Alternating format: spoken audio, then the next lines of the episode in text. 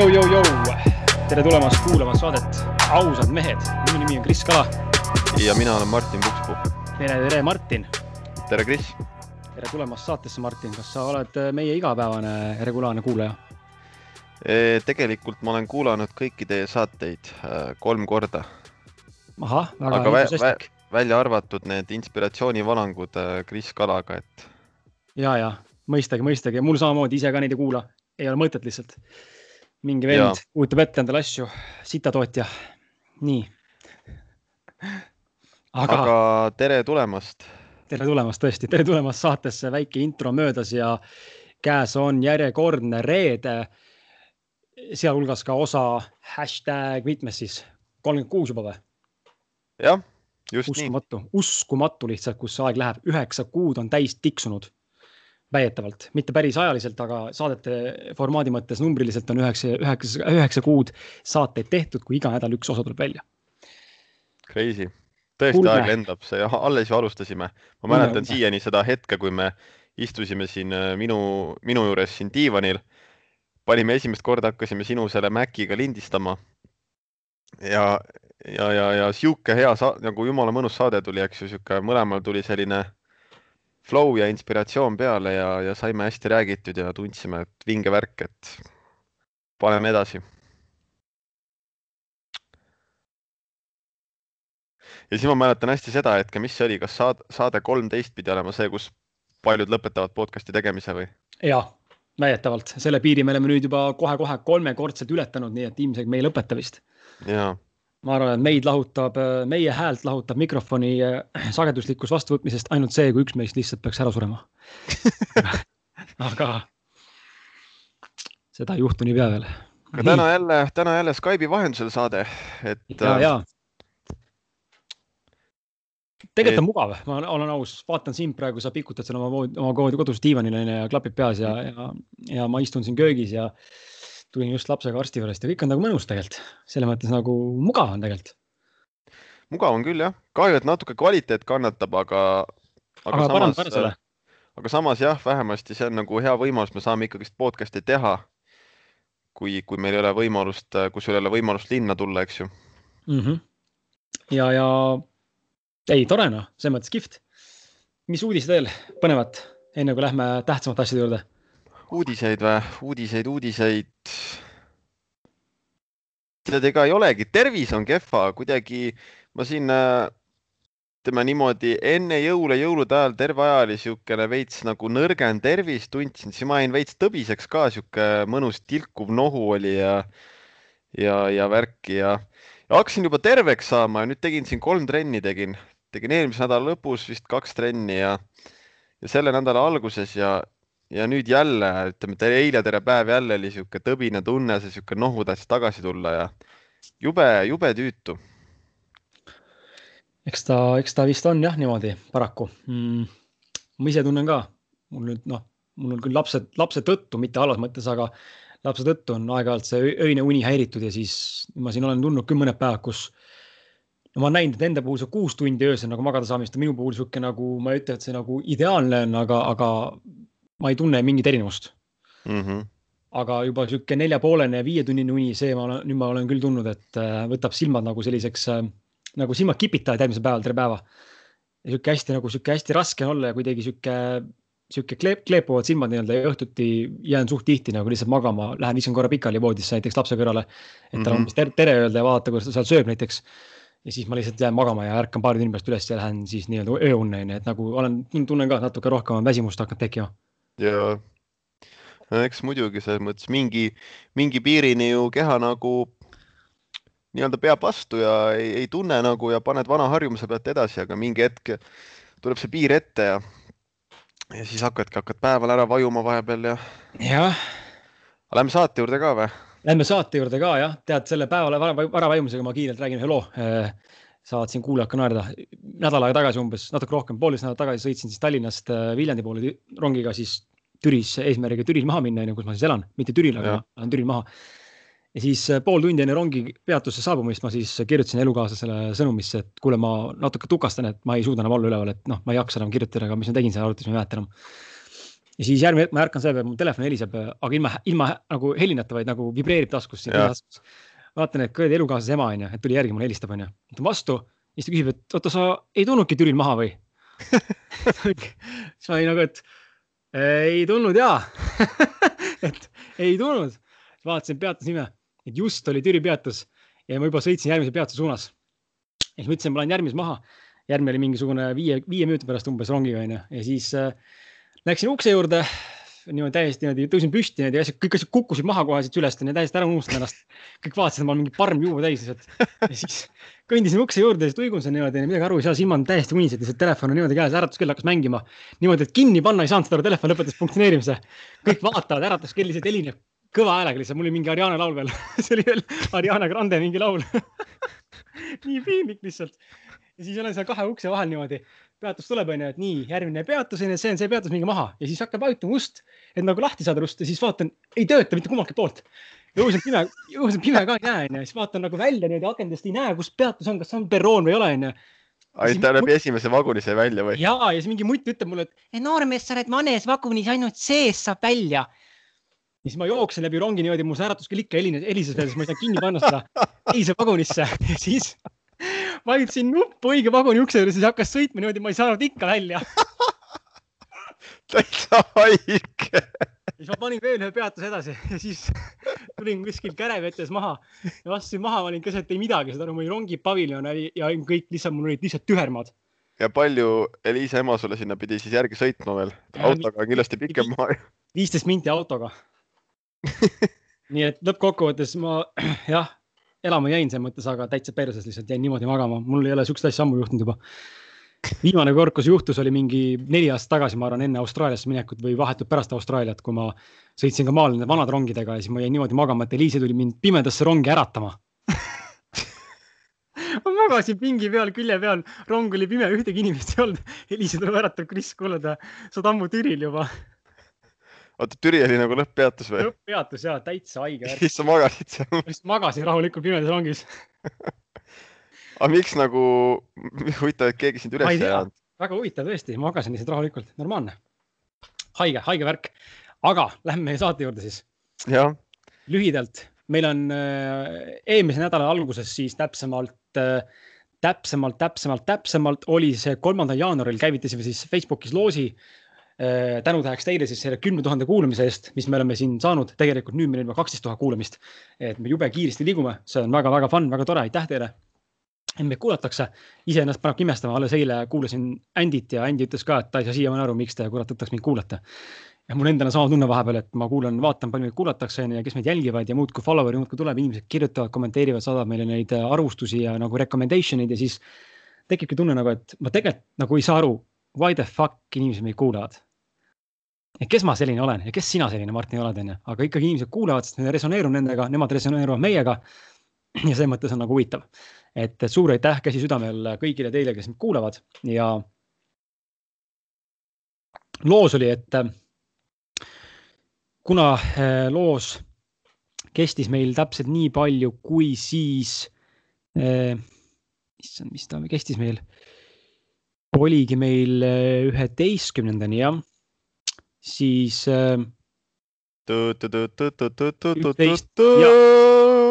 siis täna, noh eilsega, noh tänasega läks lukku selles mõttes, aga, aga üheteistkümnendani ja siis nüüd ongi aeg teha teatavaks inimene, kes võitis, et osalejaid oli viiskümmend seitse, noh tegelikult vähem, kommentaare oli kokku viiskümmend seitse, mõni pani rohkem kommentaare kui ühe. ja, ja kutsus ühe sõbra rohkem kaasa, kui, kui võib-olla mõni tegi siin onju ja ja random.org alusel siis, kuhu saab sisestada enda numbrikesed üks ja siis see maksimaalne, mis on see kommenteerijate arv, sealt meil siis genereeris masin välja sellise huvitava inimese nagu, kus ta meil siin kadus nüüd siin, nagu nii üks profiil ja teine profiil, temaga lihtne, tema tag'is ainult ühe sõbra, ühe sõbranna. seega on ilmselt teada, keda ta kaasa võtab, mõni tag'i saata kümme tükki, siis on see, et ei tea, keda võtta. aga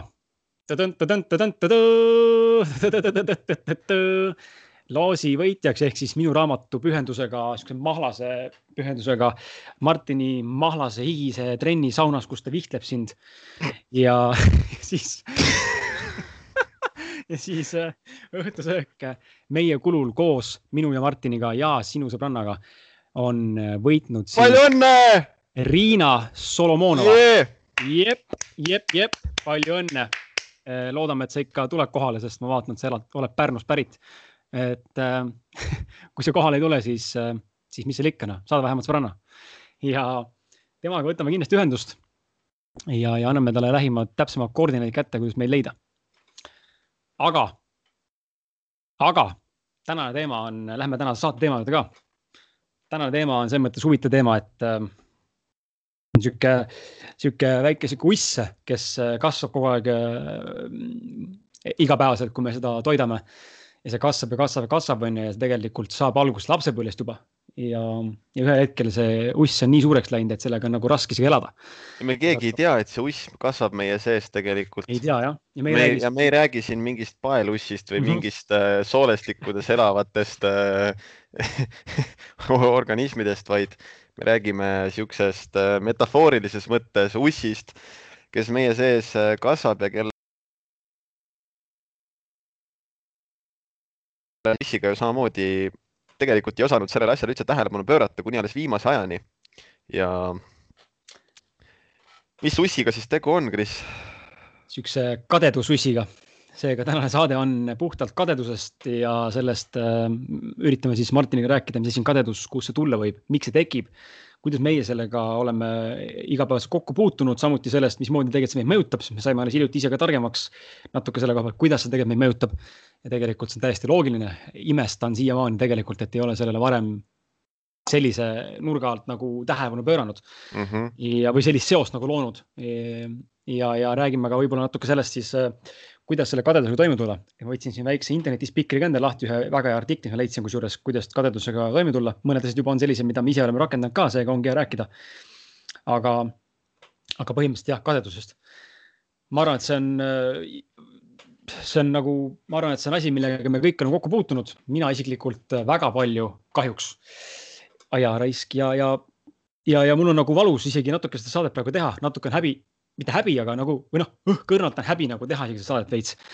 sest on nagu vastik tunnistada endale, ma tegelikult olen kade inimene ja, ja, ja see kadedus nagu minu jaoks natuke näitab mulle seda, et noh, nagu muude asjadega, et on, on need negatiivsed küljed, mis meis on, siis see kadedus ka minu jaoks natuke tundub sellise ebameeldiva nagu nii-öelda, kuidas öelda, isikupära omadusena nii-öelda, mis on sinu küljes olemas mm. -hmm. mida tegelikult inimene tegelikult ju ei vajaks ja mis meid mitte kuidagi tegelikult ei teeni, vaid pigem meid nagu vastupidi sööb seesmiselt. nagu need parasiitussid, et tahad sa äkki Martin ise alustada või alustan mina, kuidas äh, sa nüüd siin mõned päevad hiljem, kui oled selle peale mõelnud, siis nüüd tagasi mõeldes, kuidas sa näed, kus on sinus äh, kadedus olnud väga suur äh, mänguroll? ja no selles suhtes ma hakkasin märkama, ma ei oska nüüd öelda, millal täpselt, eks mida aeg edasi, seda rohkem, aga, aga ma ütleks võib-olla just rohkem viimase aasta jooksul ma nagu hakkasin märkama rohkem seda, et kui palju ma tegelikult enda peas nagu kritiseerin, kritiseerin näiteks teisi inimesi ja, ja, ja mõistan hukka ja, ja annan nagu hinnangut ja täiesti nagu endale teadvustamata mm. -hmm. et muidugi nagu ütleme näost näkku ja niimoodi otse, onju, olen kõigiga viisakas, olen kõigiga mõistev, olen väga empaatiline, onju. aga, aga just hästi lihtne näiteks kasvõi sotsiaalmeedia vahendusel, kuidas tekivad hästi kiirelt need hinnangud, hukkamõistmised ja selline enesevõrdlemine teistega.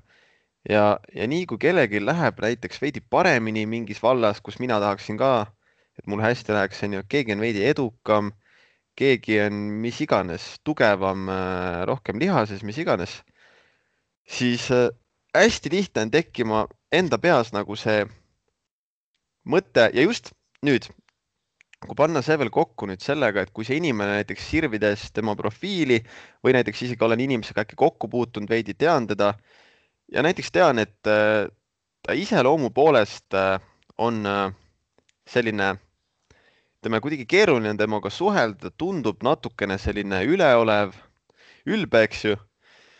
siis hästi lihtne on tekkima need mõtted, et kuradi munn ikka raisk, noh. no kurat, kuidas see vend, kuidas sellel vennal nagu nii hästi läheb? nagu see vend, kuidas ta saab, onju.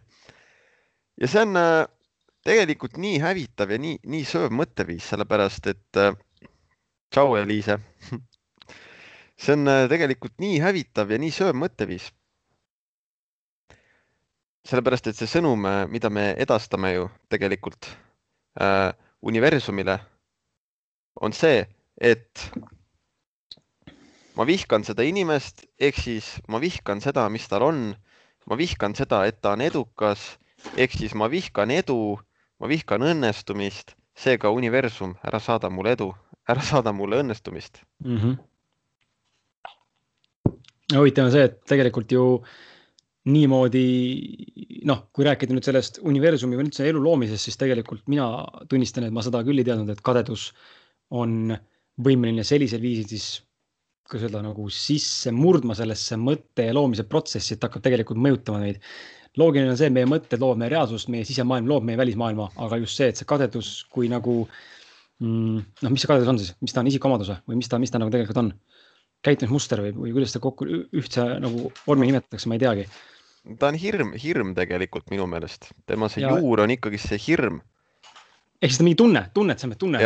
et ja. just, et see tunne on võimeline nagu tegelikult niimoodi alateadlikult tegelikult sind kontrollima mm -hmm. selle loomise protsessis aga vaata, see ongi nii huvitav, kuidas näiteks, kui me tutvusime kunagi aastaid tagasi kogu selle kogu selle kontseptsiooniga, et äh, meie sisemaailm loob meie välist maailma, meie mõtted manifesteerivad meie reaalsust, on ju. paljudele sai kõik see enesearengu teekond alguse The Secreti raamatust või The Secreti filmist, on ju. ja, ja tegelikult nüüd, milleni me oleme aastatega jõudnud, on see, et see kõik ei ole nii lihtne, kui see esmapilgul paistab, see kõik on tegelikult palju komplekssem, palju sügavam ja, ja see ongi nüüd näiteks üks asi, mis me mõlemad alles sinuga nüüd on ju, oleme seda hakanud taipama et tegelikult võib-olla, kui esmapilgul isegi nagu võiks tunduda, et keegi, kes näiteks, keegi, kes näiteks, no hea, hea näide näiteks ongi see, et võtame meile sulle mõlemale tuntud selle Youtuberi Chris, Chris Heria mm, -hmm. kes teeb siis treeninguteemalisi videosid, ta on mega edukas, ta on, ma ei tea, kas ta on mil, võib-olla miljonär, no ühesõnaga väga edukas. kasvas, kasvas ülikiiresti tegelikult. ja mega edukas nagu fitness Youtuber ja ma kogu aeg nagu vaatasin ta videosid, täiega respektisin teda, jumala chill, vaatasin jumala head videod, jumala head asja teeb, on ju, hea content. kuni siis mingi hetk ma leidsin ühe video, kus üks teine ka üsna edukas äh, Youtuber tegi video, kus ta rääkis siis oma negatiivsest kogemusest koos Krisiga. Äh, teine välja... Youtuber, kõige tunneb, on Austin Dunham. jah, ja kuidas siis jah, et äh, seal siis nagu selgus tema et, et, et Chris Heria on tegelikult selline, ütleme väga üleolev, väga suure egoga inimene, onju. ja noh, kas see nüüd tegelikult nii on, ei ole, ei oska öelda, see Austin Dunham tundub nagu megasiiras vend, selles mõttes tundub seal olevat tõepõhja all, aga kohe ma ka märkasin, kuidas mu arvamus muutus ja tekkis nagu see, et ei fuck, ma ei vaata enam selle venna videosid ja mulle ei meeldi see vend enam ja nagu see on, ühesõnaga Chris Heria on nüüd tropp, onju. -hmm. ma ei vaata enam. aga aga sellega ma ju nagu, sellega ma ju justkui nagu annan ka signaali või sõnumi, et põhimõtteliselt ma vihkan seda, mis tal on ja, ja mulle ei meeldi seda, mis ta teeb ja, ja mulle ei meeldi edu ja mulle ei meeldi karismaatilisus ja, ja mulle ei meeldi see, kui inimene oskab mind müüa ja sellega ma edastan ka universumile selle signaali mm. -hmm. see ongi nüüd, see, see on nii peidetud Nendest peidetud aspektidest rääkides, siis tõesti see külgetõmbeseadus, sellest tuleks eraldi saade meil teha, kas siis inspiratsioonivalanguna või teha mõlemat, teha tuua ja inspiratsioonivalanguna võib-olla eraldi rääkida ka, aga sellest nii palju rääkida, aga külgetõmbeseadus.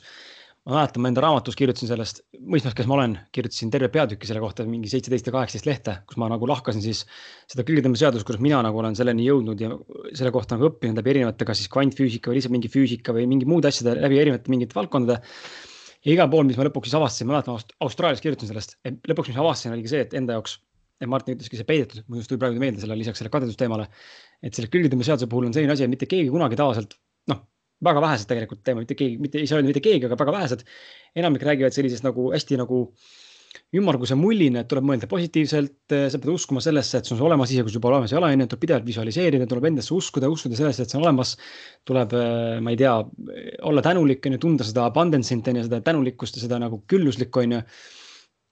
aga, aga väga palju asju, millest, väga palju, millele rõhku tegelikult ei pandud, on see viimane etapp, selles juures on alati see, et ka tegutsemine on väga suur osa külgetõmbeseaduses. nagu füüsiline tegutsemine selle nimel, et midagi mm -hmm. teha, sest ma võin ju käed rüppes siin oodata, istuda ja unistan siis endale miljonit välja ei unista, kui ma ei tee selleks samme mm. -hmm. aga, aga, aga väga paljud seda, seda, tegelikult ka seal raamatus või nendes raamatutes, mis siis ümber selle külgede ümber seaduse nii-öelda nagu tiirlevad väga nagu õhkõrnalt või siis nagu väga selliselt nagu soft'ilt puudutavad, et väga nagu ei räägita sellest, et reaalselt take action ja fucking do it.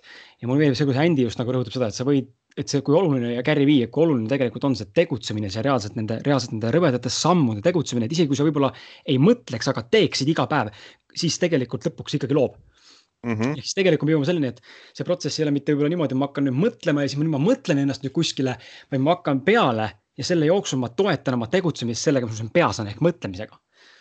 Ja, ja, ja loomulikult, kui sul on mingi visioon, mis tekib enne, enne tegutsemist, siis see on normaalne, aga üldiselt mulle tundub, et nagu see tegutsemine tegelikult on nagu väga suur osa sellest, kui mitte nagu rohkemgi. tahtsid midagi öelda? ei, ei, ei, ma. ja, ja teine asi ja teine asi, mis mul pähe korraks oli sinu selle kadedusjutuga kohe, et ongi, et see, see nagu peetud aspekte selles külgetõmbeseaduses ja selles, kuidas enda elu nagu luua tegelikult on nii palju ja need, need lähevad nagu nii süviti see tasand, süva, süvatasandile, et. et nagu reaalselt sa pead umbes läbi kaevama enne umbes kuus-seitse erinevat kihti iseendast ja ka võib-olla mingisugustest. ütleme vaimsematest paradigmadest ja arusaamistest, et jõuda selleni, et sa saaksid aru, kuidas tegelikult see toimib, on ju. Mhm. ja kadedus minu puhul ma näen samamoodi, et nagu kui ma mõtlen tegelikult, kust see alguse saab, minul, minul endal ja sinul kindlasti ja ma arvan, paljudel kuulajatel, kus see üldse alguse saab. tegelikult nagu me oleme sinuga siin saadetes pidevalt rääkinud, meie saades, saadetest läbi käiv teema, kõik saab alguse lapsepõlves mm. -hmm. ja, ja nüüd ma nagu näen enda lapse puhul, enda last kasvatades, kui oluline tegelikult see on, et toetada teda ja mõista ja olla nagu, teha neid õigeid valikuid juba selles eas, kus ta kasvõi on kolmekuune, sest et tegelikult kõik saab alguse lapsepõlvest. ja, ja, ja, ja ongi huvitav nagu näha, et lapsena me tundsime kadedust mingite tühiste asjade pärast, onju. kellelgi on parem telefon kui mul. Äh, kellelgi on rohkem raha kui mul, onju. keegi elab võib-olla majas, ma elan korteris, need tuli hiljem võib-olla pubekana. siis oli võib-olla see, et kellelgi on, ma ei tea, mingi parem mängupüstol kui mul, onju. kellelgi on äh, suurem Coca-Cola kui minul, onju. kellelgi on, ma ei tea, ilusama värviga mingisugune pinal kui mul, onju. ehk siis me tundsime midagi kadedust ja me tavaliselt tunneme kadedust inimesteni ju. kadedust tuntakse, miks? tuntakse sellepärast, et teisel inimesel on midagi sellist, mida tegelikult sina tahaksid kuskilt sügavas sihmas saada mm. -hmm ja, ja see asi, mis ma näin talle enda puhul, kuhu ma tahan selle jutuga jõuda, ongi see, et enda puhul näen seda, et see asi ei pruugi alati olla nagu üks-ühele, et ma nüüd tunnen näiteks vaatan Martinit, Martinil on käed suured onju, või noh, suuremad kui mul onju, lihastes onju, okei okay.. ma tunnen kadedust selle üle, et tal on parem keha kui mul. see on nagu sihuke väga kon konkreetne nagu kadedus minu puhul, et see on nagu täpselt see, mida ma tahan saavutada. aga samal ajal võib olla kadedus ka näiteks selle vastu, ma tunnen näiteks kadedust, kui mu sõber Andero mind kuulab praegu, siis tere, Andero. et aga Andero vastu tunnen kadedust onju mingil määral onju, võib-olla enam mitte nii palju kui vanasti aga tunnen kadedust, siis ma ei tunne kadedust mitte selle vastu, mida ta teeb, ehk siis ta on, tema on võrdturundaja, multi-level marketing on ju, tegeleb müügiga. ma ei tunne kadedust selle elustiili vastu või ma tunnen kadedust hoopis selle vastu, mida see elustiil võimaldab mm. -hmm. sest mul hetkel elustiil ei võimalda päris kõiki neid asju nagu, nagu mina võib-olla tahaksin saada, nagu, nagu temagi teeb näiteks. ja, ja see ongi, et alati see ei pea nagu üks-ühele olema, et nüüd tema elustiil on see, mis ma tahan saavutada, vaid see tema elustiil võib olla üks nüanss, kuhu ma tahan saavutada või, või kuhu ma tahan jõuda või mida ma tahan, et minu, minu elus nagu justkui eksisteeriks ja nagu sellest tuleb aru saada, et, me asjad, mis tavaliselt meid ärritavad eh, teiste puhul, noh, me eelmises saates rääkisime sellest, vaata, kuidas, kuidas nagu tulla toime sellega, et nagu see enda hukkamõistmine ka ja teiste hukkamõistmine. Need asjad, mis meid ärritavad teiste juures, ärrit-, ärritavad tegelikult ja eksisteerivad tegelikult meis endas ka ja sama kadedusega mulle tundub, et mis meid kadedaks teeb teiste inimeste juures, on tegelikult see, mille üle me ise tegelikult tunneme puudulikkust mm. -hmm, absoluutselt, absoluutselt see, mõtlen, mul tulevad kohe pähe tegelikult igasugused näited, kuidas nagu see, see ei tähenda, see ei tähenda ju, see ei tähenda seda, et me peaksime näiteks, ma ei tea, kummardama või järgima või armastama mingi inimesi, kes ilmselgelt käituvad nagu väga ütleme lihtsalt otse, väga sitasti ja väga halvasti inimestega, aga kelle näiteks mingi enesemüügivõime on nii fucking hea, et nad ikka teenivad sitta kanti raha, onju. see ei tähenda, et ma peaks austama ja ma ei tea, kummardama siukeste inimeste ees, onju, et oh my god, näed, nemad on edukad, ma tahan ka edukas olla ja ma kummardan kõike, mida ta teeb. aga see tähendab seda, et me vähemasti peaksime nagu olema nende suhtes neutraalsed ja nagu andma neile au, et no näed, vau päris ägeda asja on see mees saavutanud, näed, midagi ta oskab väga hästi, näiteks näed, müüki ta oskab väga hästi, seda ta oskab väga hästi või. kurat vinge, et sel-, sellest on nagu midagi õppida tegelikult. et vähemasti seda, seda me nagu peaksime suutma näha. samamoodi on ju, ma ei tea, kui me vihkame, vihkame meie riiki, no mis on niisugune, võtame, mida nagu mass, massi inimesed võib-olla, noh, ma ei taha öelda massi inimesed, aga mida, mida üks tavaline inimene võib-olla mõtleb või vihkab, et kuradi pask Eesti riik on ju, fucking poliitikud on ju, nikuvad perse meile äh,. palgad on väiksed. palgad on väiksed, on ju, maksud on, suured, on ju. aga samas need poliitikud, nad on kuradi vinge jutuga, on ju nad mõistavad hästi müüki, nad mõistavad hästi psühholoogiat. Nad, nad on üsna intelligentsed.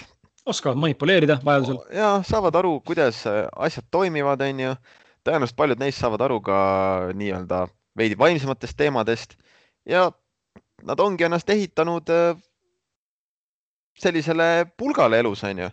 ja see on ju tegelikult, äh, sealt on ju väga palju õppida ja seal on ju väga palju sellist, äh, mis meile kõigile tegelikult tuleks kasuks ja see on ju tegelikult, kui niimoodi poliitikutest rääkida või üldse noh, ükskõik kellest rääkida, kes kuhugi jõudnud on, siis tegelikult selle nagu staatuse või selle, ütleme selle noh, punkti või hetkeseisundi, kuhu ta jõudnud, selle taga on tegelikult ju meeletu töö mm. -hmm. Ma hakkasin mõtlema selle peale, et sa ütlesid, et ehm,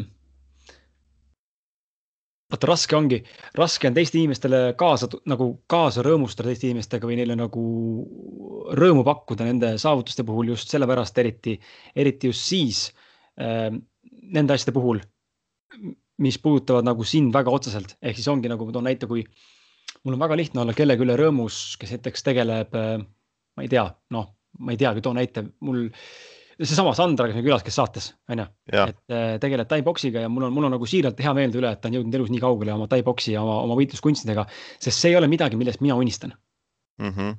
mul on väga lihtne tunda rõõmu selle üle, sest mul, mul tõesti südamest hea meelde üle. ja, ja ma ütlesin talle sedasama asja ja mul on nagu ja niimoodi on paljude inimestega olnud, et asjad, mis mind nagu otseselt ei mõjuta, mida ma ise tegelikult väga nagu taga elus ei aja. Nende üle mul on väga hea rõõmustada teiste inimeste pärast või nagu teiste inimeste üle ja pigem on see välja löönud, ma tean, mul lõi, lõi see paar aastat tagasi välja, kus ma võtsin, võtsin vastu otsuse endale, ma hakkan teisi inimesi kiitma eh, teadlikult, sest ma nägin, et see nagu on pigem noh, seda väga ei tehta, on ju, kellelegi ei meeldi kellegi teist kiita eriti. ja, ja ma tundsin, et ma tahaks nagu proovida seda, mis tunne see on ja mulle meeldis see tunne ja mul on siiamaani sees see, ma ei, ma ei, ma ei nagu ei väsi inimesi kiitmas, kui ma näen midagi, mis mulle nagu meeldib. ja, ja see nagu on nagu okei okay., aga samal ajal see vastupidine nii-öelda nagu see miinuspool on ju asja juures ongi kohe see, et kui seal on valdkond, kus inimene tegutseb, kus ma ka tahaksin mitte tegutseda, aga tahaksin ka saavutada midagi taolist, siis seal on väga raske inimesele nagu kaasa tunda, selle või nagu äh, mitte kaasa tunda, aga selles mõttes nagu, et äh, ka nagu tema üle rõõmu tunda, sellepärast et äh, sest et selles, selles staadiumis, kui inimene on selles valdkonnas, kuhu mina tahan jõuda või milles ma ka tegutsen, siis selles staadiumis tekib see konkurents mm. -hmm. tekib, tekib tagaplaanile see kadeduslik konkurents või konkurentslik kadedus on ju tekib see hirm, et teine inimene võtab midagi ja. minu eest ära, onju. ja ta, ja ta on parem, onju, ta on must parem, ta on must mm -hmm. targem, ta on must kiirem, ta on must tugevam, onju. ja ma, mina olen sitt, ma nii kaugele ei jõua, onju, ta on nii palju saavutanud ja mul üldse pole mõtet proovidagi, onju. aga see on nagu raske, vot see on nagu raske koht, kus ennast ületada ja ma, mul on nagu väga lihtne praegu, mul on nagu ava, ava, ava, avardav on ja avav on praegu tunnistada seda kuulajatele ja siin sulle endale ka, et et nagu tegelikult on, minus on väga palju kadedust sees ja, ja just nendes asjades, mis mulle rohkem haiget teevad mm. -hmm. ja, ja ma ei oleks seda iial uskunud, et see nagu nii, nii süviti läheb ja just, just see tagamaa ka, et, et ongi nagu Martin, sa tõid näite, et kui sa mõtled selle peale, et ma olen nüüd kade sellepärast, et eh, või mind ajab närvi see, et Martin on selline või mõni muu tuttav, keda ma siin tean, keda ma juhuslikult olen sotsiaalmeedias eelnevalt näinud, et ta on mingisuguse füüsilise vormi saanud, näiteks toon trenni näitena või saavutan mingi muu asja elus, siis on see tegelikult, mida ma just välja saadan äh, nii-öelda universumile, mida ma tegelikult ta, ei, ei taha nagu oma ellu saada, ehk siis nagu sa tõid, ma saadan välja selle, ma vihkan seda, mind häiritab see, et see enda sellises füüsilises vormis. Sellega ma tegelikult loon seda, et ma tegelikult vihkan inimesi, kes on lihastes Mm -hmm. nii et piltlikult öeldes vihkan inimesi, kes on megatervislikud. Vihkan inimesi, kellel, kellel tuleb elus asjad lihtsalt. Äh, sest mind ärritab see võib-olla onju ja, ja mm -hmm. lõpptulemus on see tegelikult tänu sellele, kui ma seda vihkan, siis tegelikult universum ei saa aru sellest, et ma vihkan midagi konkreetselt kellegi või millega seoses, vaid ta saab aru sellest mõttest kui sellest nagu kontseptsioonist ehk siis eh, vihkan lihaseid, vihkan trenni, vihkan välimust, vihkan tervist, vihkan seda. ja seda on see, mis ma endale hakkan nii-öelda siis nagu alateadlikult, kuna see ei ole teadlik enam, alateadlikult endale tegelikult looma ja ma olen jumala kindel, ma olen täiesti kindel, et ma ise tegelikult, me jõuame sinna välja nüüd, ma eile ütlesin sulle telefonis ka sedasama asja, aga seesama asi, et see, see teiste üle kadeduse tundmine, mis loo, lõpuks loob selle tunde, me hakkame looma, siis tegelikult me ise saboteerime ennast alateadlikult. et nagu siin on see enesesabotaaž, kus me, millest me rääkisime paar, paar saadet tagasi, kus me rääkisime sellest, et me nagu ise pidurdame enda arengut, onju, teeme ennast maha, aga nüüd on see nagu teine aspekt on see nagu sihuke nagu spirituaalsem, et meil on nagu külgedame seadus, aga me ise saboteerime seda tööriista, mis meile tegelikult antud on mm. -hmm. absoluutselt. Ma tahaks tuua, tuua kohe siia ühe enda näite ka. Äh, sain hiljuti kokku ühe sõbraga, käisin külas tal, rääkisime juttu, onju. ja rääkisime, ta rääkis oma, oma ideedest ja oma plaanidest ja projektidest ja, ja, ja, ja ja rääkis mulle ühest oma projektist, äh, mis on plaanis ära teha.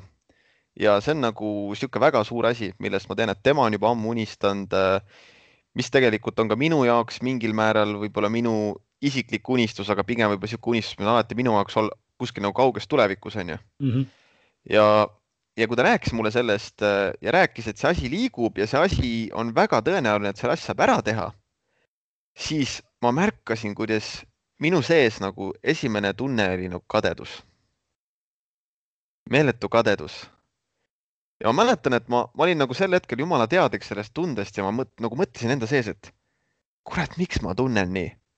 Ma tahaks tunda siirast rõõmu tema üle, ma tahaks nagu, ma tahaks tunda sedasama õnnejoovastust, mida tema tunneb, ma tahaks tunda seda nagu fuck yeah, kui sina teed ära, siis ma suudan ka, onju. Mhm. ma tahaks nagu seda tunda, et miks ma tunnen niisugust kadedust enda sees. ja, ja, ja mida, mida ma tegelikult just sellel hetkel tegin.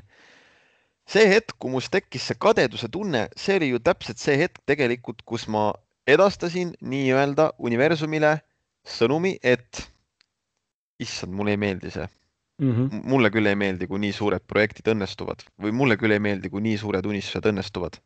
ma, ma ei taha kunagi, et mul siuksed suured unistused õnnestuksid. ma ei ole väärt seda see on tegelikult see alateadlik sõnum, mis ma sel hetkel universumile edastasin. ja see on nii. ja see ongi nii tegelikult nagu, see näitabki, et kui see tuleb, see tuleb nii alateadlikult iseenesest see kadedus peale, et äh, seda on sees palju ja sellega, sellega tuleb tööd teha. ja huvitav on see, et sa seda mainid, seepärast et et nagu just see on see, millega tegelikult kasutan ka sõna siis tavamass, ma ei mõtle kedagi, ma ei mõtle kedagi nagu, ma ei, ma ei, ma ei solva kedagi, kui ma ütlen tavamass, lihtsalt ühiskond, ma ei tea, ma ei oska kuidagi, ütleme hall mass on, on see, kes tahab olla nagu norm, normide piires elada ja see on täiesti mm -hmm. fine, me oleme seda rääkinud erinevalt, aga ma siin nimetan halliks massiks, sest et mina ei taha selline olla, see on okei okay.. aga tavainimene ongi selline, kes lihtsalt just need eriti need kibestunud inimesed, kes äh, mitte kunagi mitte kellegi üle rõõmu ei tunne ja alati teevad teiste plaani asju hukka, mõistavad hukka ja nagu teevad maha, onju. Nad tegelikult ise tegelikult ka alateadlikult on, on ennast nagu sellesse kibestumisse küll nii sisse söönud juba, aga nad tegelikult teisi inimesi niimoodi maha tehes, nad tegelikult loovadki seda, mis sa rääkisid ka just, et ma, mulle ei meeldi edukus onju, mulle ei meeldi suured ideed, mulle ei meeldi suured õnnestumised. mulle ei meeldi üldse õnnestuda onju, tegelikult nad tahaks ise õnnestuda, aga nende mm -hmm. siin sees ketrab see, et nad vihkavad seda, et keegi teine tegi ära, nad ise ei tee. sest neil piisab mm, -hmm. pole piisavalt kas tahtejõudu, järjepidevust, kannatlikkust, mis iganes veel mm. -hmm. ja sellega tegelikult nad loovad enda ellu juurde seda, et nad olekski kogu aeg ühes samas punktis kinni mm. -hmm et nad ei tõmbaks ligi enda ellu asju, mis võib-olla näitab neile, et oh sa raisk, millegi suure ärategemine tegelikult on ju lahe mm.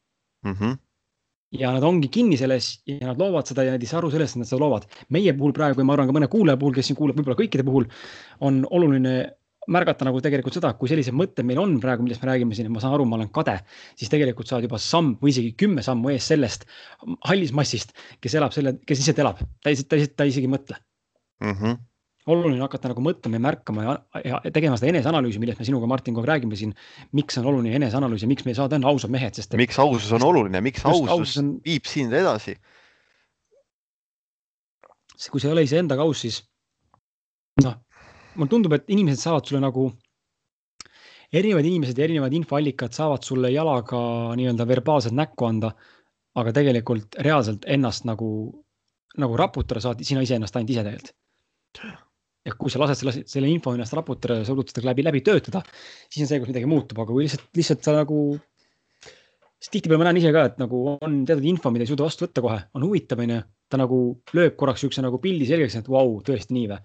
aga kui ma ei execute'i sellele, siis nagu see info läheb ja kaob, onju. Mhm. ehk siis see ongi see, et kui me ise tegelikult laseme sellel asjal nagu või noh, laseme endal seda kõike läbi töötada ja oleme selleks ka valmis, siis me oleme valmis ka muutma neid, neid mustreid endas, aga endaga tuleb aus olla, sest et me alati ei suuda teha seda lihtsalt ja võib-olla alati ei ole kõige aeg, kõige õigem aeg ka. et huvitav nagu, huvitav nagu näha jah seda, kuidas see kõik on tulnud tegelikult äh, sügavast lapsepõlvest ja, ja kuidas jube, jube raske on tegelikult seda kadedust, kadedust ikkagi kontrollida, et ju siis on ikka väga palju rahulolematust iseendaga. ja, ja eks ta nii on ka, noh, siin ei ole midagi valetada, muidu mul neid tundeid aeg-ajalt ei oleks. aga eks seda saabki step by step muuta. Näiteks ühest oma nii-öelda, ühest märgist rääkides, mis ma näen, et äh, mingi muutuse ikkagist juba on toimunud, on, on see, et kui ma näiteks siin õpin seda Forexit, on ju, õpin seda kauplemist ja meil seal nii-öelda sellest Eesti, noh, nii-öelda grupp, kus me kõik suhtleme, kus kõik äh, siin siis eestlased, äh, kes selle firma all siis äh, koos õpivad seda Forexit, on ju. kui ma näen, kuidas keegi jagab seal oma mingit kasumit, on ju, et seal on teinud, ma ei tea, näiteks ühe tehinguga, mis võttis aega mingi kolm päeva, on teinud seal mingi kolm tonni, on ju, siis nendel hetkedel võtab minus niisuguse kohe pigem nagu selle jess nagu hea tunde. et need on nagu need märgid, mis juba samas näitavad, et tegelikult muutused toimuvad ja, ja, ja, ja, ja seda, seda, seda kade, seda kadedust on aina vähem. aga mm. jah, aga samas on ka väga palju neid olukordi just, kus, kus on seda veel väga palju ja, ja tuleb kõvasti oma alateadvusest lõhkuda neid vanu, vanu ühendusi, vanu mustreid. jah, paras sihuke paras porno, jah. jah, ega see ei ole, see ei ole lihtne, ei ole lihtne ennast muuta, ei ole lihtne oma sügavaid hirme lahti lõhkuda ja siis uh, uusi, nii-öelda uusi, uusi programme ja uusi uskumusi sinna peale ehitada, et see on, see on jah, see on raske protsess, sest see ongi, kuna, kuna meie lapsepõlves mingi esimesed viis-kuus eluaastat, ma kuskilt lugesin seda, et esimesed kuskil viis-kuus eluaastat äh, meil need alateadvuses need ühendused, need neuronühendused, kõik need mustrid, kõik need äh, mõttejadad, harjumused, need põhimõtteliselt kõik info, mis me võtame välismaailmast, läheb otse alateadvusse, meil ei ole mingit nii tugevat filtrit vahel ja seega ongi, kui need esimesed kuus eluaastat on sinna tulnud palju hirmu, segadust, võrdlemist, selliseid mustreid, on ju. Need on nii tugevad, et see võtabki aastakümneid, et neid mustreid lõhkuda ja, ja ehitada uusi ja nii-öelda tervislikumaid, positiivsemaid mustreid sinna peale, on ju.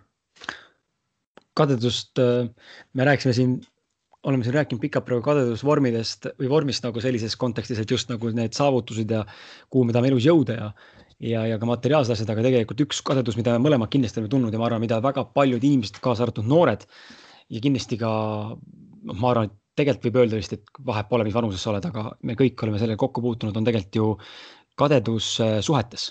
Just nagu armastussuhetes ja mul tuleb meelde kohe see, mulle tundub, et see on nagu esimene selline tõsine kadedustunne, mida sa tunned võib-olla noorukina, kus on esimesed sellised sebimised ja sellised nagu suhted.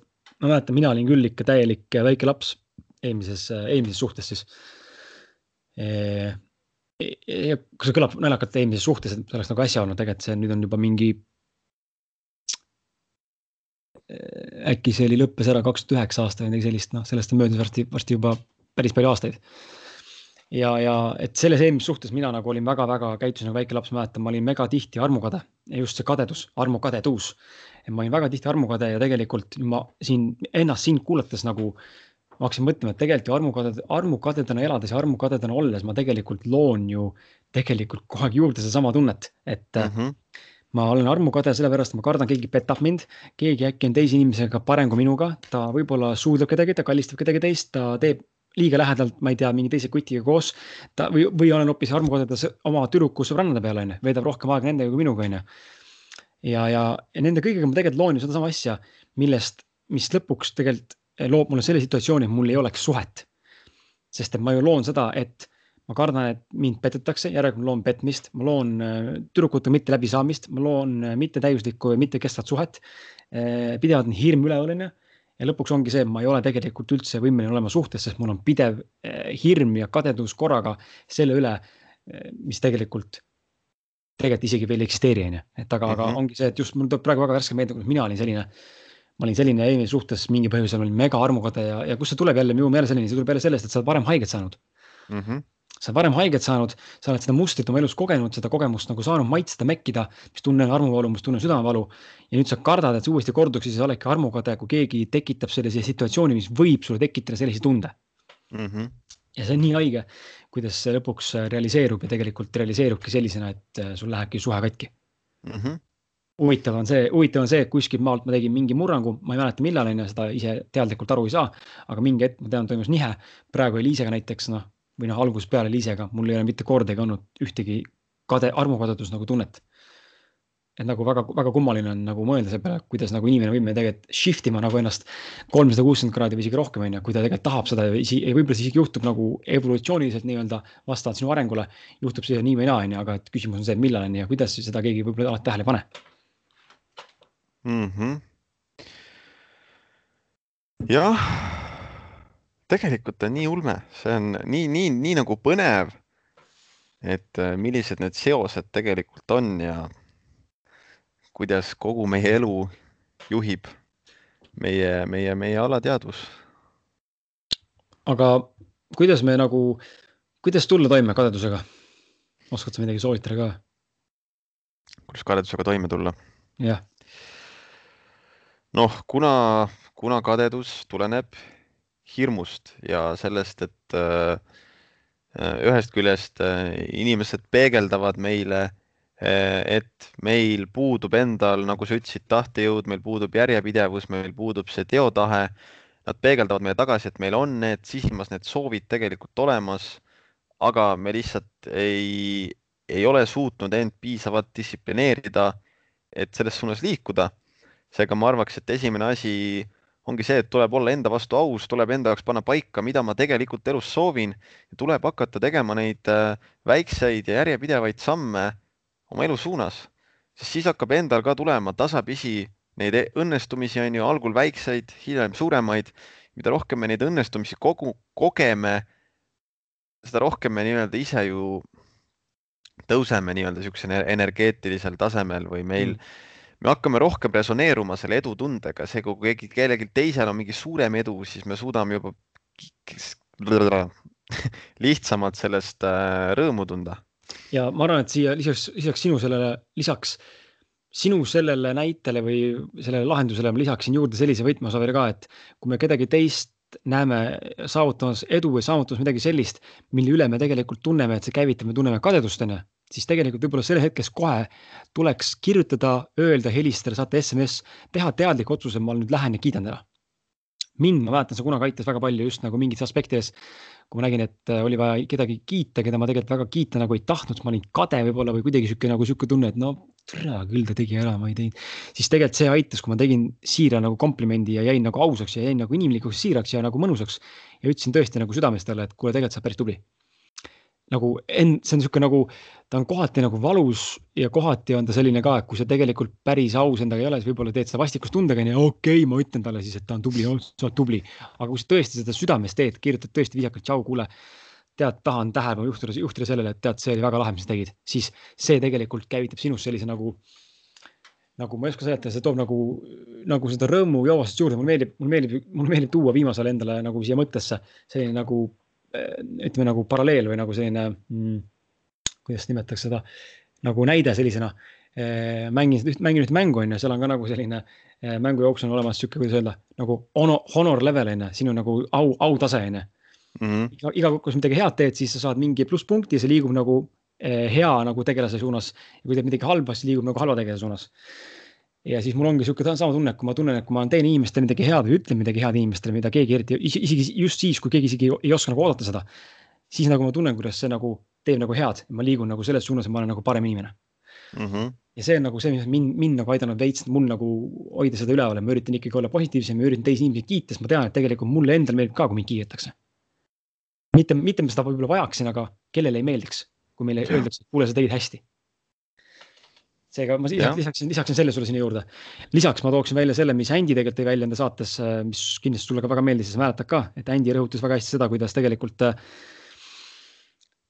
et kõige probleem ei ole mitte selles, mida me välja ütleme, vaid probleem tegelikult on selles, mismoodi me mõtleme. ja ehk siis number kaks asi, mis võib-olla välja peaks tooma siit, on see, et lisaks endaga ausaks olemisele ja teiste kiitmisele on oluline ka see, et jälgida seda, et siis kui sa isegi ei ütle, siis proovige mitte mõelda negatiivselt. Ja see on kõige, ma arvan, et see on kõige raskem nendest asjadest sest et kui sa ikkagi oled selles keerises sees ja sa lähed närvi ja mingi asi käivitab sind, siis on selles hetkes väga raske mitte mõelda midagi negatiivset selle üle, mis tekitab kadedust. aga samal ajal ma näiteks olen näinud, et ütleme siin mõned kümned minutid hiljem, see tegelikult see, see emotsioon, mis üles tuli selle situatsiooni, selle kadedusega seoses, on tegelikult kustunud mm. -hmm. seega tegelikult võib-olla tulekski nagu osata nagu mitte mõelda, kui sa tunned, et hakkad nagu käivituma, siis ma ei tea, vaheta brauserit, vaheta lehte, pane telefon käest, mis iganes, kus, kus sa seda nägid, kus, mis sind ärritas, ma ei tea. muuda nagu seda, tee nagu see initsiatiiv, et minna nagu eemale sellest mm. -hmm. siis sa ei lähe sellega kaasa. jah, või ma ei tea, muu, jälle muuta oma nii-öelda seisundit kuidagi, et mingi kiire, tee kiiret kümme kükki või. Ja just jah, et tee trenni, mediteeri või tee, tee midagi muud jah, selles mõttes. jah Ehm, jah, ja kolmandaks, ma arvan kindlasti, mis mul endal aitab ja ma usun, et sind ka, Martin, aitab ja ma arvan, et kuulajad on nõus sellega tänaseks. kui te meid olete ilusti kuulanud, siis on näha, et tegelikult te olete meiega sama arvamusel, et teiste inimestega, kui sul on keegi inimene, kes sind, sinuga viitsib rääkida sellistel teemadel, siis see aitab väga palju. ja, ja, oo oh ja see, kui lihtsalt, see on mingis mõttes see enda tühjaks rääkimine täpselt sama efektiga nagu enda tühjaks kirjutamine, et kui sul on keegi lähedane inimene, kellega sa saad olla lõputult lõpuni aus ja kõik rääkida enda sügavatest hingesoppidest lõpuni välja, puhtalt ausaks, ausalt puhtaks ennast rääkida, onju. et see on ka väga tegelikult sihuke teraapiline ja saab kõik need mõtted enda seest välja mm. -hmm. ja eriti hea on siis see, kui inimene on äkki nii hea, et ta viitsib isegi kaasa mõelda ja, ja küsida ka nagu sinuga vestelda selles mõttes, et tihtipeale ma olen näinud, et inimesed, kellega vestlen noh, sinuga või siis näiteks Eliisega, kui on niisugune deep teema ja tahan kellegagi rääkida, siis mulle just meeldib see, mõlemad suudavad nagu kaasa mõelda ja, ja, ja teine suudab panna sind nagu mõtlema ka mingitele süvaasjadele, esitades siis mingeid nagu selliseid sügavaid küsimusi võib-olla või tuletades mingeid uusi küsimusi, mille peale ise tegelikult üldse tulekski. sest tihtipeale on niimoodi, kui keegi küsib mingi küsimuse, kui ma olen käinud näiteks seal mentori juures temaga rääkimas, siis ta oskab alati nagu juhtida nagu tähelepanu mingitele muudele nüanssidele, mis tegelikult sellega on seoses, aga mille peale ise üldse ei tule mm. -hmm et nagu mul on siin kadedus on ju, kuidas sellega toime tulla, ma näen kadeduse toimetuleku viitekümmet protsenti ühte poolt ja siis teine uks on nagu suletud. ja siis ta nagu juhib tähelepanu kuidagi läbi minu enda esitas mingeid küsimusi niimoodi, ma ise saan aru tegelikult, aa, aga tõesti, kuule, ja siis mul on sada protsenti, kuidas lahendada seda mm. -hmm. ehk siis see on nagu mind väga palju aidanud just, et see, kui on inimene, kes viitsib kuulata, nagu sa ütlesid, kellega saab rääkida ja kes viitsib ka nagu kaasa sinuga rääkida, kaasa mõelda ja küsida nagu analüüsivaid ja, ja võib-olla ka selliseid nagu noh, mingeid, mingeid küsimusi mm. -hmm vot. just ja., jah. loodan, et info täna, tänane saate teema kadedus see info, mis me oleme, on nagu arusaadav, et me ise ka siin tegelikult alles hiljuti saime aru, et me oleme väga kadedad inimesed tegelikult, aga aga ma usun, et me kõik tegelikult oleme sisimas kellegi millegi peale ikkagi vahel kadedad olnud. tore, kui sa seda üldse ei ole. suured, suured aplausid ja suured plusspunktid sulle, sa oled väga tubli sellisel juhul. mina näen, et mul on kõva areng veel ees jah, täpselt sama siin. aga mulle tundub, et äh, sai meil vist teema läbi tänaseks. sai see ära leierdatud erinevate nurkade alt ja. see ongi meie, meie ausad mehed saate teema ongi sihuke lihtne, meil on niisugune kontseptsioon, et me võtame teema, leierdame täielikult ära selle igast nurgast ja siis viskame ja viskame ülesse. kurat küll jah, ei ikka lahe, lahe lahe on see, et äh, on inimesed, kes kuulavad meid ja lahe on see, et me siin saame sihukest asja teha. äge ja see on, see on vahva, see on vahva, noh, tagasihoidlikule eestlasele omaselt on ju ei ei suuda näidata välja seda, seda rõõmu, aga tegelikult see on üli fun. et et, et, et, et te meid kuulate ja, ja et me suudame teid puudutada ja aidata ja uusi mõtteid tekitada sel aastal kindlasti, ma ei ütle, millal, sest ma ei tea veel, aga ma olen kindel, et me teeme Martiniga esimese võib-olla sellise suurema koosviibimise ka, au, ausa koosviibimise hmm.. mis me seal, mis me seal teeme, ma ei tea, küll me välja mõtleme, aga ma tunnen, et ma tahaks inimesi, kes meid kuulavad, tegelikult äh, näost näkku näha, nende juttu rääkida mm. -hmm. oleks lahe, kui kommuun, kommuun ausad, ausad mehed, ausad naised tuleks kokku korraks. aga see on äh, tuleviku, tulevikuvaade ja vaatame, millal see, millal see jõustub jah, aitäh, et kuulasite ja meid leiate endiselt Facebookist. aitäh, et osalesite loosis. kahju, kahju nendest, kes ei võitnud. sellegipoolest suured tänud, et võtsite osa ja olite nõus meie sõnumit teiste sõprade ja enda sõpradega jagama. palju õnne veel kord Riinale ja kindlasti kirjutan sulle, kirjutan sulle, võtan sinuga ühendust ja ja, ja egas midagi, kohtume juba järgmises saates, mis on meil järgmisel reedel, kus meil on tegelikult üks külaline mm. -hmm. jep, olge, olge mõnusad ja peatse kuulmiseni. jep, tšau. tšau